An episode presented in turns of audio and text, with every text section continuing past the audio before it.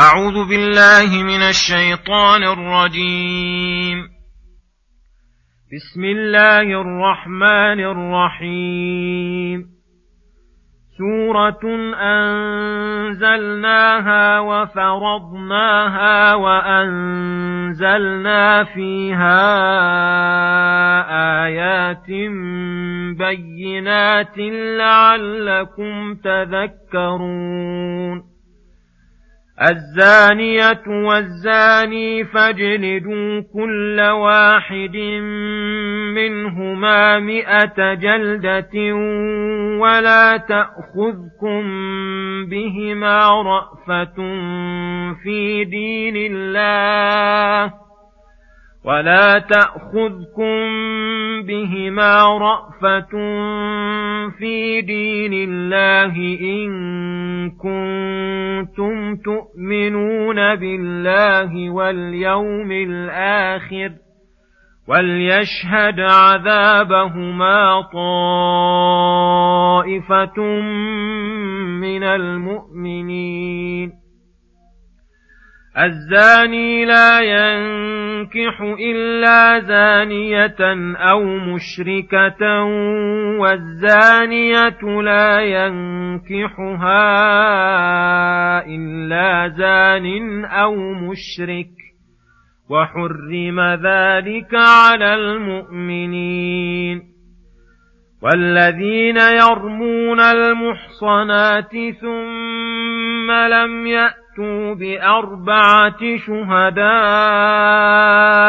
فاجلدوهم ثمانين جلدة ولا تقبلوا لهم شهادة أبدا وأولئك هم الفاسقون إلا الذين تابوا من بعد ذلك وأصلحوا فإن الله غفور رحيم. بسم الله الرحمن الرحيم. السلام عليكم ورحمة الله وبركاته. يقول الله سبحانه: سورة أنزلناها وفرضناها وأنزلنا فيها آيات بينات لعلكم تذكرون. أي هذه سورة عظيمة القدر أنزلناها رحمة منا بالعباد وحفظناها من كل شيطان وفرضناها أي قدرنا فيها ما قدرنا من الحدود والشهادات وغيرها وأنزلنا فيها آيات بينات أي أحكاما جليلة وأوامر وزواجر وحكما عظيمة لعلكم تذكرون حين نبين لكم ونعلمكم ما لم تكونوا تعلمون. ثم شرع في بيان تلك الأحكام المشار إليها فقال الزانية والزاني إلى قوله من المؤمنين. ثم يقول سبحانه الزانية والزاني فجدوا كل واحد منهما مئة جلدة الآيات.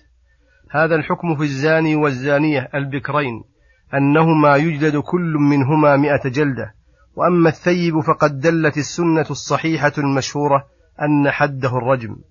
ونهانا تعالى أن تأخذنا رأفة بهما في دين الله تمنعنا من إقامة الحد عليهما سواء رأفة طبيعية أو لأجل قرابة أو صداقة أو غير ذلك وأن الإيمان موجب لانتفاء هذه الرأفة المانعة من إقامة أمر الله فرحمته حقيقة بإقامة الحد عليه.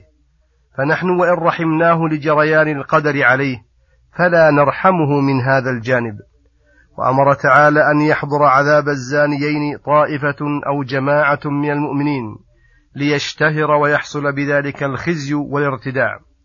وليشاهدوا الحد فعلا فإن مشاهدة أحكام الشرع بالفعل مما يقوي به العلم مما يقوى به العلم ويستقر به الفهم ويكون أقرب لإصابة الصواب فلا يزاد فيه ولا ينقص والله أعلم.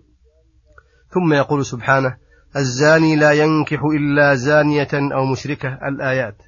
هذا بيان لرذيلة الزنا وأنه يدنس عرض صاحبه وعرض من قارنه ومازجه ما لا يفعله بقية الذنوب. فأخبر أن الزاني لا يقدم على نكاحه من النساء إلا أنثى زانية. تناسب حاله حالها. أو مشركة بالله لا تؤمن ببعث ولا جزاء ولا تلتزم أمر الله. والزانية كذلك لا ينكحها إلا زان أو مشرك وحرم ذلك على المؤمنين أي حرم عليهم أن ينكحوا زانيا أو ينكحوا زانية. ومعنى الآية أن من اتصف بالزنا من رجل أو امرأة ولم يتب من ذلك أن المقدم على نكاحه مع تحريم الله لذلك لا يخلو. إما أن لا يكون ملتزما لحكم الله ورسوله فذاك لا يكون إلا مشركا.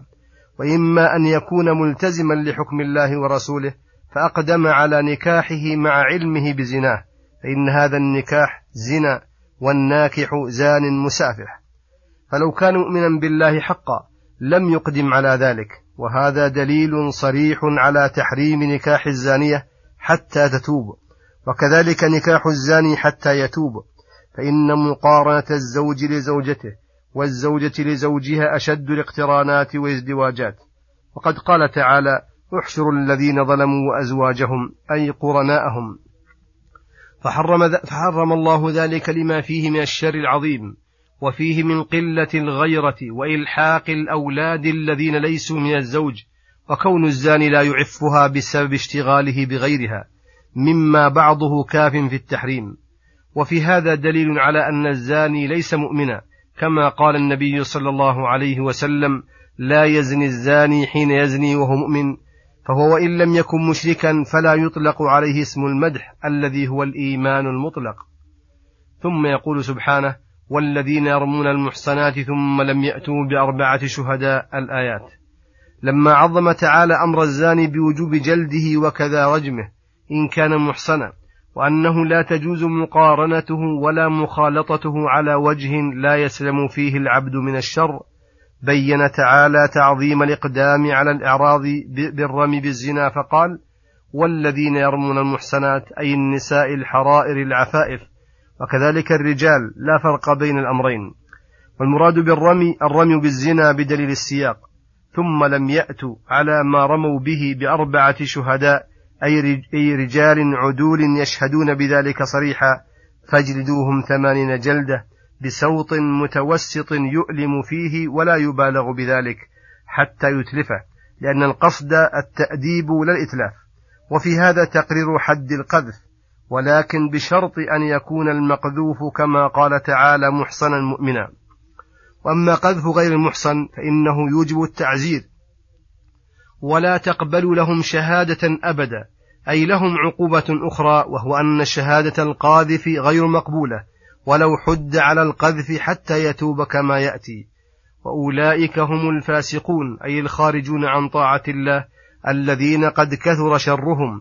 وفي ذلك وذلك لانتهاك ما حرم الله وانتهاك عرض أخيه وتسليط الناس على الكلام بما تكلم به وإزالة الأخوة التي عقدها الله بين أهل الإيمان ومحبة أن تشيع الفاحشة في الذين آمنوا.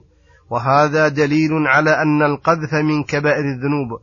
وقوله إلا الذين تابوا من بعد ذلك وأصلحوا فإن الله غفور رحيم. التوبة في هذا الموضع أن يكذب القاذف نفسه ويقر أنه كاذب فيما قال. وهو واجب عليه أن يكذب نفسه ولو تيقن وقوعه حيث لم يأت بأربعة شهداء. فإذا تاب القاذف وأصلح عمله وبدل إساءته إحسانا زال عنه الفسق وكذلك تقبل شهادته على الصحيح. فإن الله غفور رحيم يغفر الذنوب جميعا لمن تاب وأناب. وإنما يجلد القاذف إذا لم يأت بأربعة شهداء إذا لم يكن زوجا. فإن كان زوجا فقد ذكر بقوله والذين يرمون أزواجهم إلى قوله تواب حكيم. وصلى الله وسلم على نبينا محمد وعلى آله وصحبه أجمعين. وإلى الحلقة القادمة غدا إن شاء الله. والسلام عليكم ورحمة الله وبركاته.